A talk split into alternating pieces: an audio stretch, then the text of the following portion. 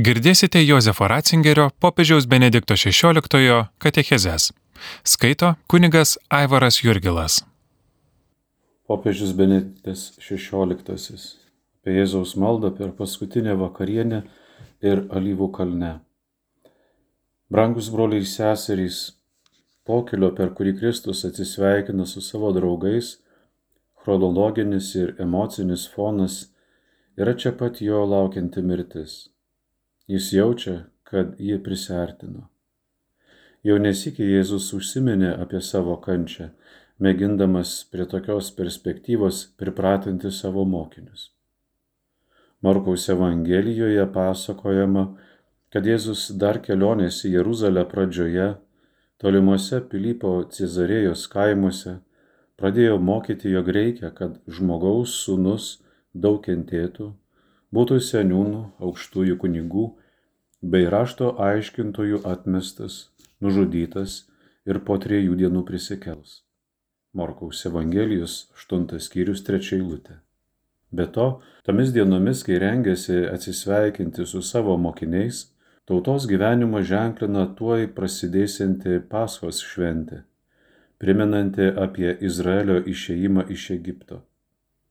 Šis praeitie išgyventas išlaisvinimas, laukiamas dabartyje ar ateityje, per Paschą būdavo gyvai švenčiamas šeimoje.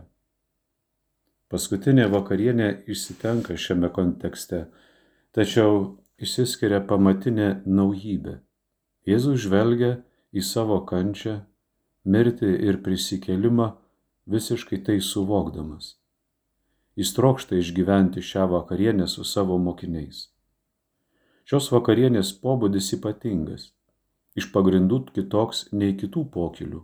Per tą vakarienę jis padovanoja tai, kas yra visiškai nauja - save. Būtent šitaip Jėzus švenčia savo paschą, nuvokia savo kryžių ir prisikėlimą. Ši naujybė Jono Evangelijoje išryškinama paskutinės vakarienės chronologija. Ji neapibūdinama kaip Paschos vakarienė, kaip tik todėl, kad Jėzus ketina pradėti kažką visiškai naujo - švęsti savoje Paschą, savaime suprantama susijusią su išeimo įvykiais. Ir pasak Jono, Jėzus ant kryžiaus mirė kaip tik tą akimirką, kai Jeruzalės šventykloje buvo aukojami paschos savinėliai. Kas yra šitos vakarienės brandolys?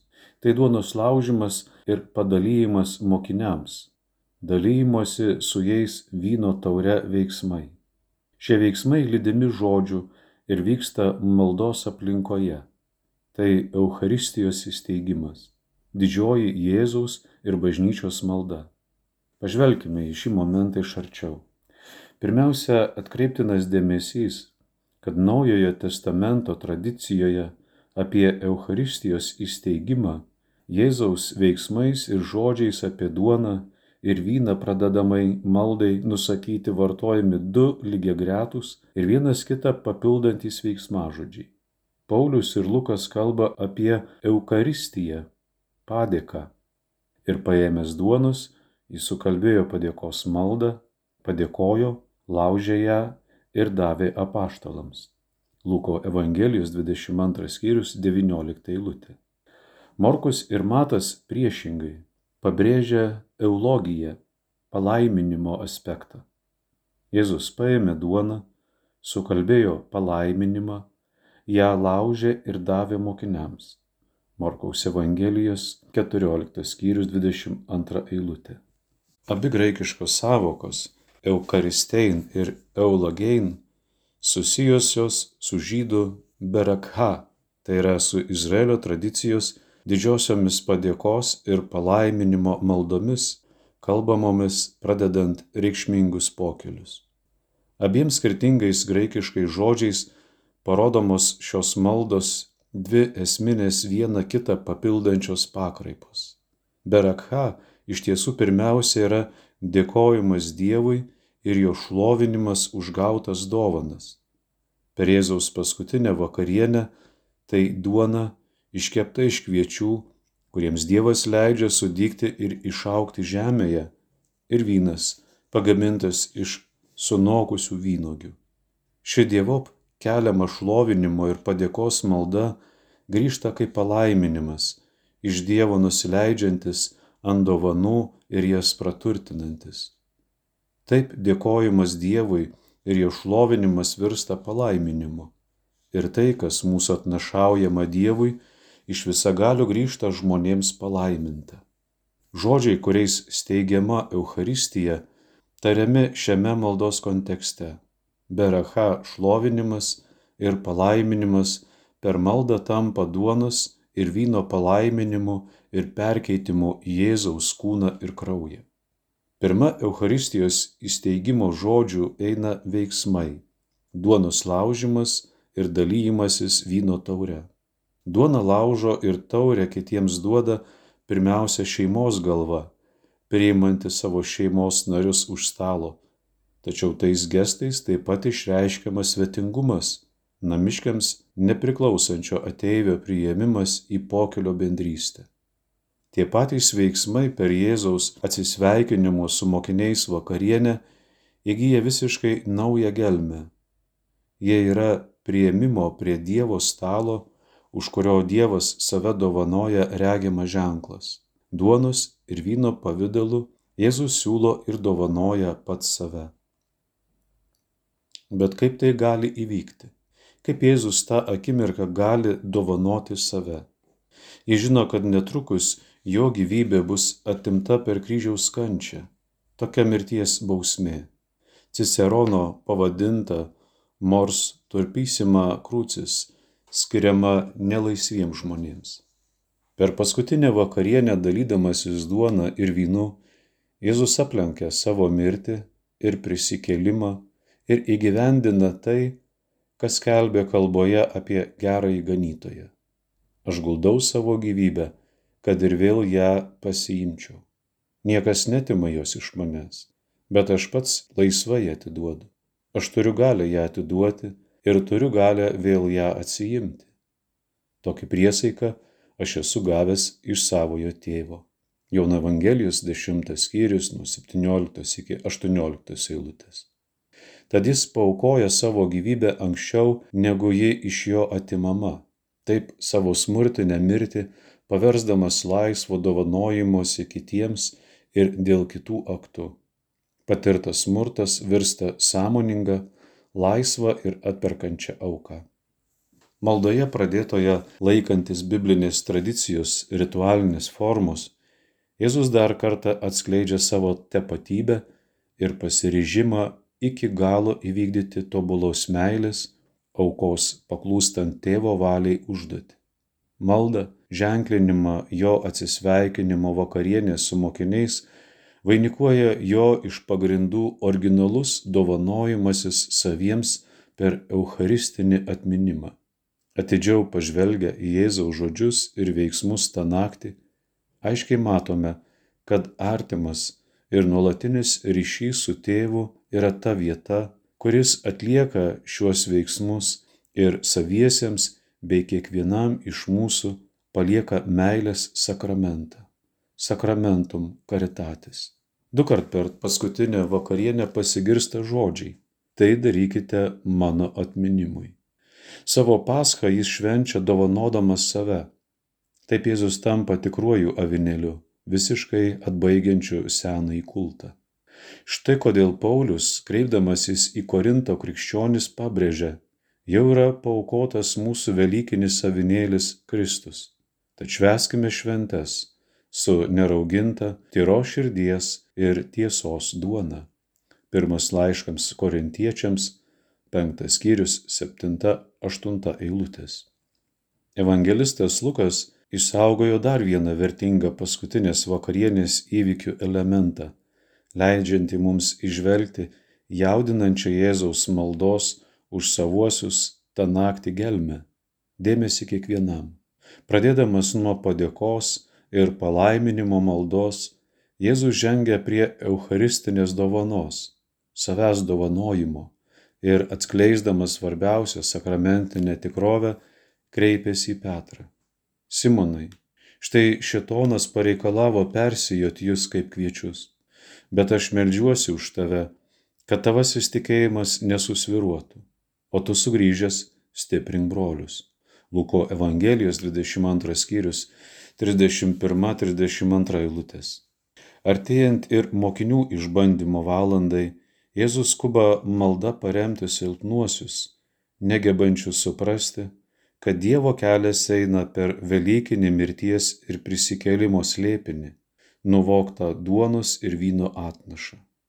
Euharistija yra keliauninkų valgis, suteikiantis jėgų ir pavargusiems, išsekusiems ir pasiklydusiems. Malda pirmiausia skirta Petrui, jog atsivertęs galėtų stiprinti brolių tikėjimą. Evangelistas Lukas primena, kad kaip tik tą akimirką, kai Petras jo trečią kartą išsigina, Jėzus akimis ieškojo jo veido, norėdamas suteikti jam jėgos toliau sekti paskui jį. Ir tuoj pat, dar jam kalbant, pragydo gaidys. Tuomet viešpats atsigręžė ir pažvelgė į Petrą. Petras atsimenė jam pasakytą viešpatie žodį. Luko Evangelijos 22 skyrius 60-61 eilutės. Brangus broliai seserys, dalyvaudami Euharistijoje ypatingu būdu išgyvename Jėzaus už kiekvieną iš mūsų ištartą ir tebetariamą maldą, kad blogis, su kuriuo visi susidurėme gyvenime, nepaimtų viršaus ir kad mumise veiktų perkeičianti Kristaus mirties ir prisikėlimo gale. Eucharistijoje bažnyčia atsiliepia į Jėzaus paraginimą - tai darykite mano atminimui. Kartoja padėkos ir palaiminimo maldą ir kartu su ją duonos ir vyno transubstancijos į viešpaties kūną ir kraują žodžius. Švesdami Eucharistiją esame įtraukiami į tą maldos akimirką, vis iš naujo suvienijami su Jėzaus malda. Bažnyčia nuo pat pradžių pašventinimo žodžiu suprato kaip maldos kartu su Jėzumi dalį, kaip pagrindinę dalį padėkos kupino šlovinimo, per kurį žemės ir žmogaus darbo vaisiais, vaisiai Dievo mums vis iš naujo dovanojami kaip Jėzaus kūnas ir kraujas kaip paties Dievo dovanojimasis svetingoje sunaus meilėje. Dalyvaudami Eucharistijoje ir dalydamiesi Dievo sunaus kūnu ir krauju, savo maldą suvienijame su Velykų avinėlio malda jo paskutinę naktį, kad mūsų gyvenimas, nepaisant mūsų silpnumo ir neištikimybės, nepražūtų, bet būtų perkeistas. Katalikų bažnyčios katekizme teigiama, Krikščionių tradicija tą maldą pagrįstai vadina kunigiškąją Jėzaus malda. Tai mūsų vyriausiojo kunigo malda, neatskiriama nuo jo aukos, nuo jo perėjimo pas tėvą, kai jis visas tada buvo pašventintas tėvui. Nepaprastas šios Jėzaus maldos turtingumas atsiskleidžia skaitant ją žydų susitaikinimo dienos, Jom Kipur šventės fone. Ta diena vyriausiasis kunigas prašo atleidimo pirmiausia savo, tada kunigų luomui ir galiausiai visai tautos bendruomeniai. Izraelio tautai per metus pridariusiai nusižengimų siekiama vėl priminti susitaikinimą su Dievu, priminti, kad ji yra išrinktoji tauta, šventoji tauta tarp kitų tautų. Jono Evangelijos 17 skyriuje Pateiktoje Jėzaus maldoje šios šventės struktūra yra perimama. Jis, kunigas ir auka, meldžiasi už save, apaštalus ir visus, kurie jį įtikės, už visų laikų bažnyčią. Palyginti Jono Evangelijos 17 skyrius 20 eilutė. Malda Jėzaus kalbama už save patį yra prašymas jo valandą būti pašlovintam, išaukštintam. Iš tiesų ji yra daugiau negu prašymas ir paskelbimas apie visišką pasirengimą laisvai ir dosniai įsitraukti į Dievo tėvo planą, atbaigiamą savęs atidavimu, mirtimi ir prisikėlimu. Ši valanda prasideda judo išdavyste, palyginti Jono Evangelijos 13 skyrių 31 eilutę, ir baigėsi prisikėlusio Jėzaus įžengimu pas tėvą. Palyginti Jono Evangelijos 20 skyriaus 17 eilutė. Judai pasišalinus iš paskutinės vakarienės, Jėzus ištarė šios žodžius. Dabar žmogaus sūnus pašlovintas ir Dievas pašlovintas per jį. Jono Evangelijos 13 skyrius 31 eilutė. Nestebina, kad vyriausiojo kunigo maldą jis pradeda žodžiais. Tėve, atėjo valanda, pašlovink savo sūnų, kad ir sūnus pašlovintų tave. Jono Evangelijos 17 skyrius 1 eilutė. Pašlovinimas, kurio Jėzus savo prašo kaip vyriausiasis kunigas, yra visiškas paklusnumas tėvui. Paklusnumas, nuvedantis į pilnavertiškiausią sunystės būklę.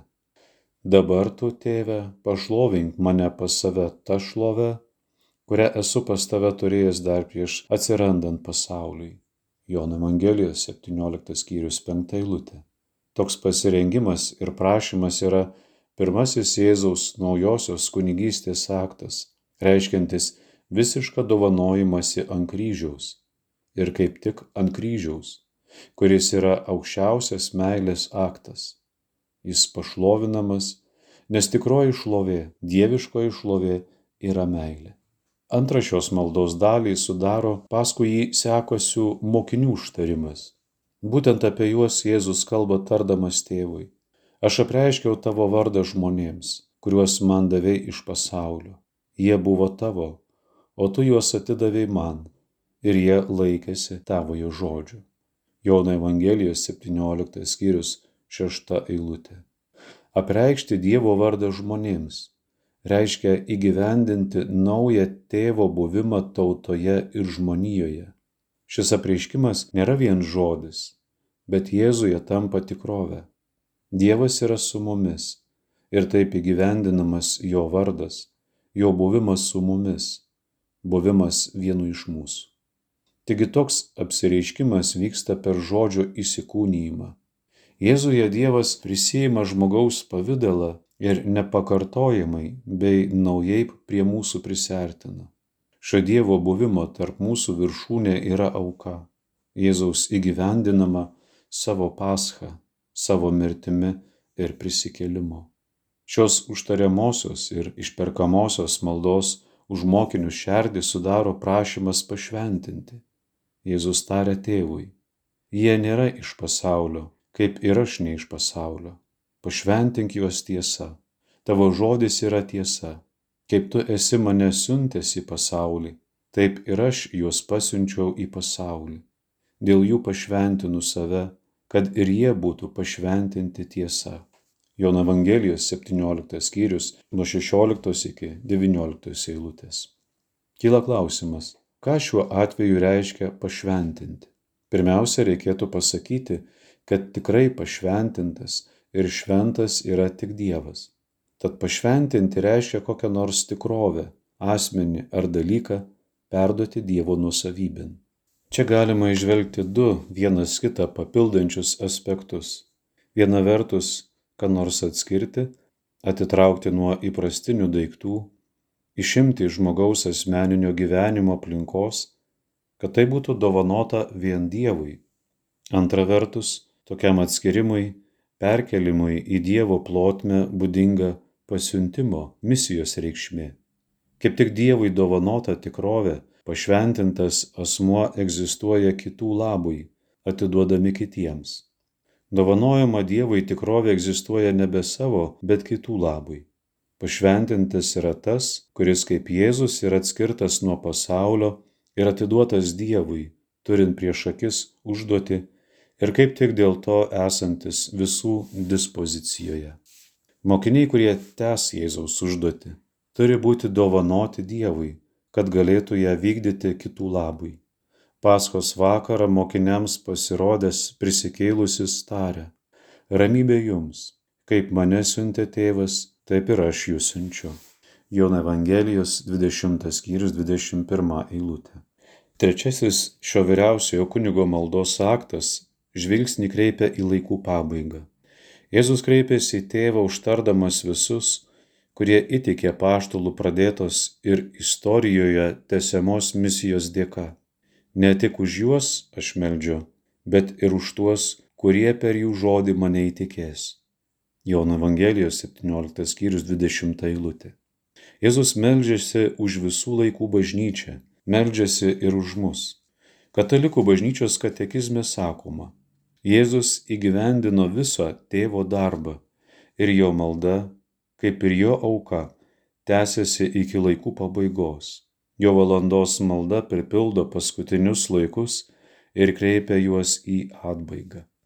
Visų laikų mokiniams skirtos Jėzaus vyriausiojo kunigo maldos pagrindinis prašymas krypsta į tai, kad visi, kurie į jį tiki, ateityje būtų viena. Ta vienybė nėra pasaulio vaisius. Ji kyla išskirtinai iš dieviškosios vienybės ir pasiekia mus iš tėvo per sūnų ir šventąją dvasę. Jėzus meldžia dovanos, gaunamos iš dangaus ir darančios poveikį realų ir apčiuopamą žemėje. Jis meldžia, tegul visi bus viena, kaip tu tėve, manyje ir aš tavyje, tegul ir jie bus viena mumise, kad pasaulis įtikėtų, jog tu esi mane siuntęs. Jono Evangelijos 17 skyrius 21 eilutė. Krikščionių vienybė viena vertus yra kiekvieno asmens širdyje slypinti tikrovė. Tačiau sikiau ji turi aiškiai pasirodyti istorijoje, kad pasaulis įtikėtų. Jos labai praktiškas ir konkretus tikslas. Ji turi pasirodyti, kad visi tikrai būtų viena. Busimųjų mokinių vienybė, būdama vienybė su Jėzumi, pasiųstų į pasaulį tėvo yra ir pirminis krikščionių misijos pasaulyje veiksmingumo šaltinis. Galima sakyti, kad Jėzaus kunigiškąją maldą steigiama bažnyčia. Būtent čia per paskutinę vakarienę Jėzus sukuria bažnyčią. Juk kasgi kita yra bažnyčia, jei ne mokinių bendruomenė, suvienijama tikėjimo į Jėzų Kristų kaip tėvo siūstai ir įtraukiama į Jėzaus užduoti vesti pasaulį į Dievo pažinimą ir taip jį išgelbėti. Štai šitai ir yra tikrasis bažnyčios apibrėžimas. Bažnyčia kyla iš Jėzaus maldos. Tačiau ši malda yra ne tik žodis, tai aktas, kuriuo jis save pašventina. Tai yra paukoja save už pasaulio gyvenimą. Jėzus meldžia, kad jo mokiniai būtų viena. Šios pasiektos ir išsaugomos vienybės gale bažnyčia gali keliauti pasaulyje, būdama ne iš pasaulio. Ir atlikti jai patikėtą užduotį, kad pasaulis įtikėtų sūnų ir jį siuntusi tėvą. Tada bažnyčia tampa vieta, kur tęsiama Kristaus užduotis - išvesti pasaulį iš žmogaus susvetimėjimo su Dievu bei savimi ir iš nuodėmės, kad jis vėl taptų Dievo pasauliu. Brangus broliai seserys, apžvelgėme kelis nepaprastai turtingos Jėzaus kunigiškosios maldos elementus. Kviečiu ją skaityti bei apmastyti, nes ji yra kelrodis puoselėjant dialogą su viešpačiu ir moko mus melstis. Mes irgi savo maldoje prašome Dievo padėti mums pilnatviškiau įsitraukti į jo kiekvienam iš mūsų parengtą planą. Prašome, kad būtume jam pašventinti vis labiau jam priklausytume ir galėtume vis labiau mylėti kitus, artimus ir tolimus. Prašome, kad vis geriau gebėtume atversti savo maldą pasaulį, nesitenkindami prašymais padėti spręsti vien savo problemas, bet visada viešpaties akivaizdoje prisimindami artimą ir suvokdami užtariamosios maldos už kitus grožį prašome regimos visų tikinčiųjų vienybės Kristuje dovanos, kurios čia maldos už krikščionių vienybės savaitę meldėme dar karščiau. Melskime, kad visada būtume pasirengę įtikinamai atsakyti kiekvienam, klausiančiajam apie mumise gyvenančią viltį. Jėzaus malda alyvų kalne. Evangelijos pasakojimas apie šią maldą yra itin reikšmingas. Po paskutinės vakarienės Jėzus leidžiasi į Alyvų kalną melzdamasis kartu su savo mokiniais. Evangelistas Morkus pasakoja, pagėdoja himną, jie išėjo į Alyvų kalną. Šia užuomina tikriausiai norima pasakyti, jo buvo sugėdotos kelios Halelio giesmės, kuriomis Dievui dėkojama už tautos išlaisvinimą iš vergyjos ir prašoma jo pagalbos pasitinkant vis naujus dabarties sunkumus bei pavojus. Pakeliui į Getsemanę Jėzus ištarė žodžius, leidžiančius mokiniams nujausti jo artimą mirtį ir grėsint jų išsilakstymą. Pasiekęs Alyvų kalno ūkį, Jėzus ir šią naktį ruošiasi asmeniniai maldai. Bet šį kartą nutinka šis tas nauja. Atrodo, jog jis nenori likti vienas.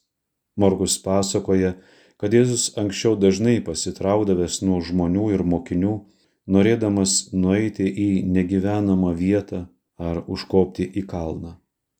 Tačiau Getsemanėje jis pakviečia Petrą, Jokūbą ir Morkų pasilikti šalia. Tai tie patys mokiniai, kuriuos jis norėjo turėti greta savęs ant atsimainimo kalno. Šios trijulės dalyvavimas Jėzui meldžiantis Getsemanėje labai iškalbingas. Jėzus ir tą naktį vienas melsis tėvui, nes jo santykis su tėvu yra visiškai nepakartojamas. Vienatinio sunaus santykis. Netgi būtų galima manyti, kad tą naktį niekas iš tikrųjų negalėtų prisertinti prie sunaus, kuris čia tėvo akivaizdon stoja visa savo nepakartojama, išskirtinė tapatybė bet nors ir vienas pasiekia tašką, kuriame norėtųsi atsidėti maldai. Jėzus trokšta, kad trys mokiniai liktų bent netoliese, išlaikydami artimesnį santykių su juo. Prašoma erdvinio artumo, solidarumo tą akimirką, kai jis jaučia artimą mirtį.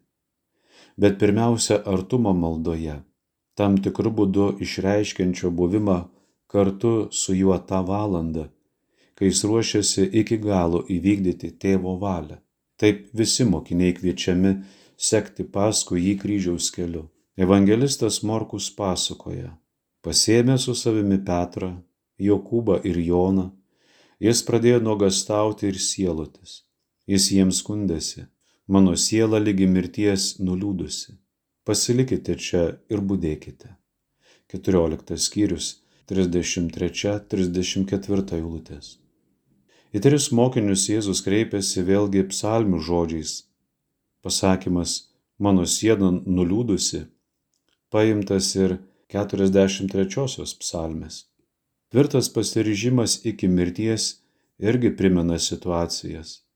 Senajame testamente išgyvenamas ir malda išreiškiamas daugelio Dievo siūstųjų. Mat vykdydami patikėtą užduotį, jie neretai susiduria su priešiškumu, atmetimu, persekiojimu. Moze dramatiškai išgyvena išbandymą, vesdamas tautą per dykumą ir tarė Dievui, aš vienas nepajėgiu nešti visų šių žmonių, nes jie yra man per sunkus.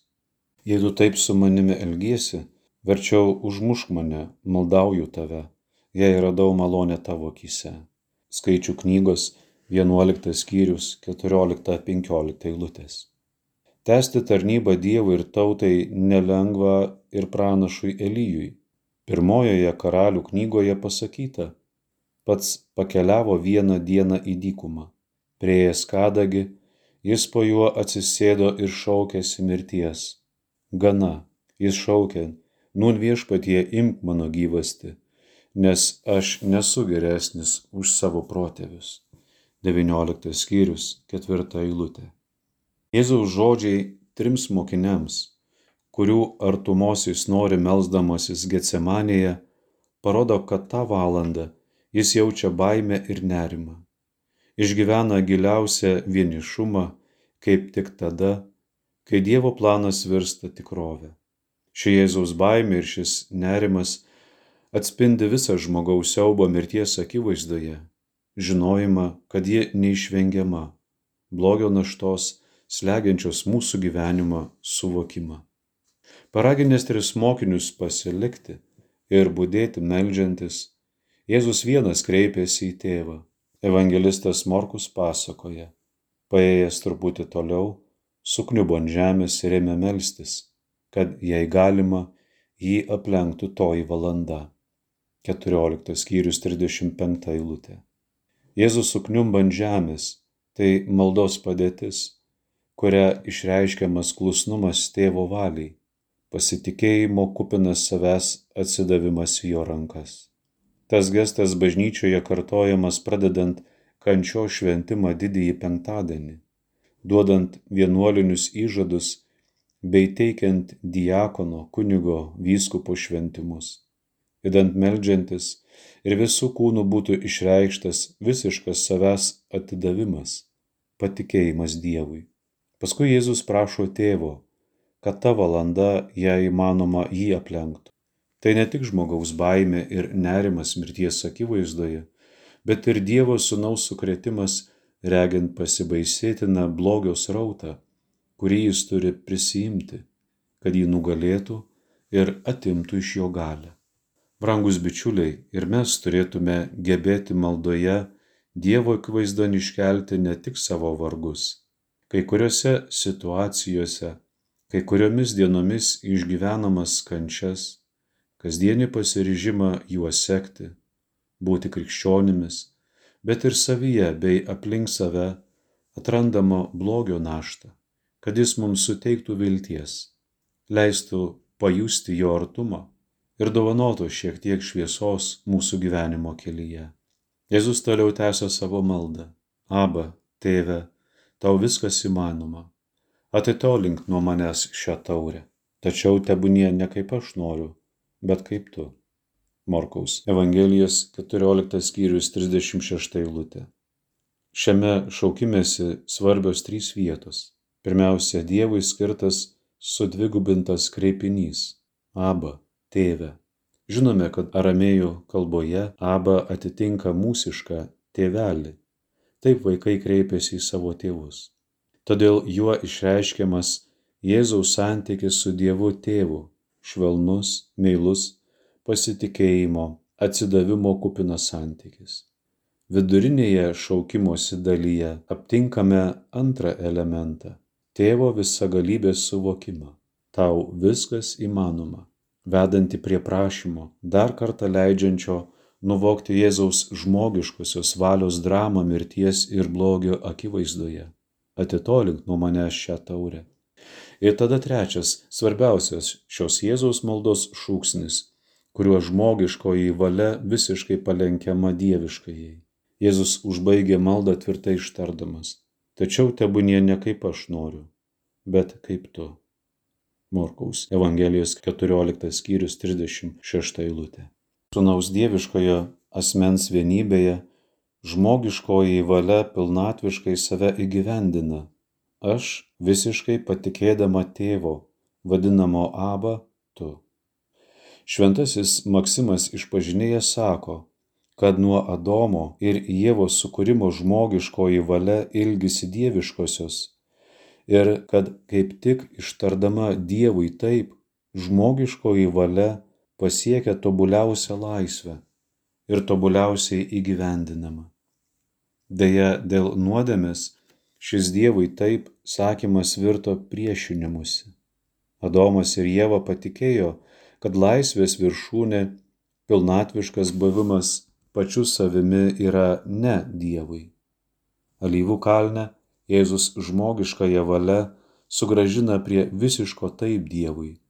Jame prigimtinė valia visa nukreipta ta kryptimi, kurią jai teikia dieviškasis asmuo. Jėzus gyvena vadovaudamasis savo asmens šerdimi, savo buvimu Dievo sūnumi. Jo žmogiškoji valia įtraukta į sūnaus aš, visą save atiduodančio tėvui. Šitaip Jėzus mums pasako, kad žmogus savo tikrasias aukštumas pasiekia ir tampa dieviškas tik tada, kai savo valią palenkia dieviškajai, tik išeinant iš savęs, tik sakant Dievui taip, išsipildo Adomo ir mūsų visų tobulos laisvės troškimas. Būtent tai Jėzus Getsemanija ir atlieka, perkeliant žmogiškąją valią į dieviškąją gimsta tikrasis žmogus ir mes esame atpirkti. Katalikų bažnyčios katekizmo santraukoje apibendrintai mokoma. Jėzaus malda jo agonijos Getsemanės sode metu ir paskutiniai žodžiai ant kryžiaus atskleidžia jo sūniškosios maldos gelmę.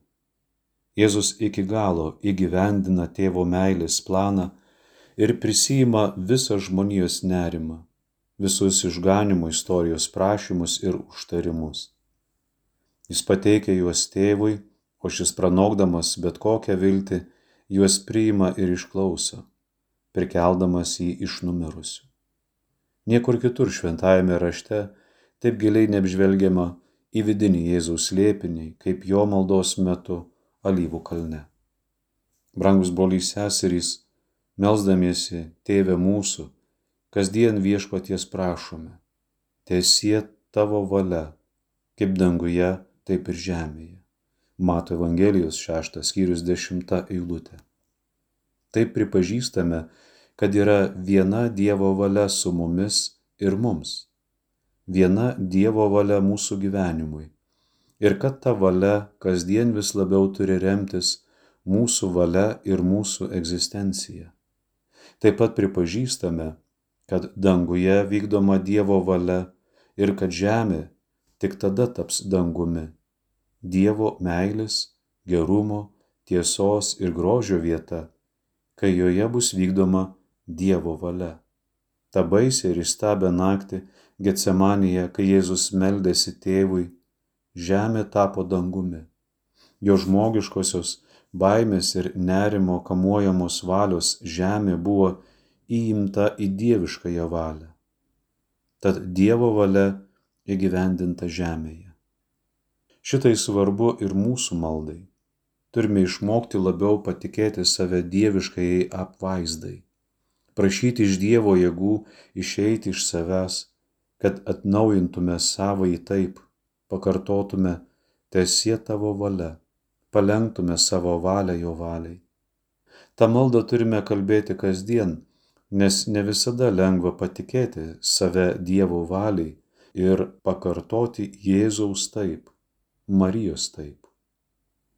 Evangelijų pasakojimai skausmingai rodo, kad trys mokiniai Jėzaus pasirinkti būti netoliese pasirodė nepajėgus kartu su juo būdėti, dalytis jo malda ir atsidavimu Dievui.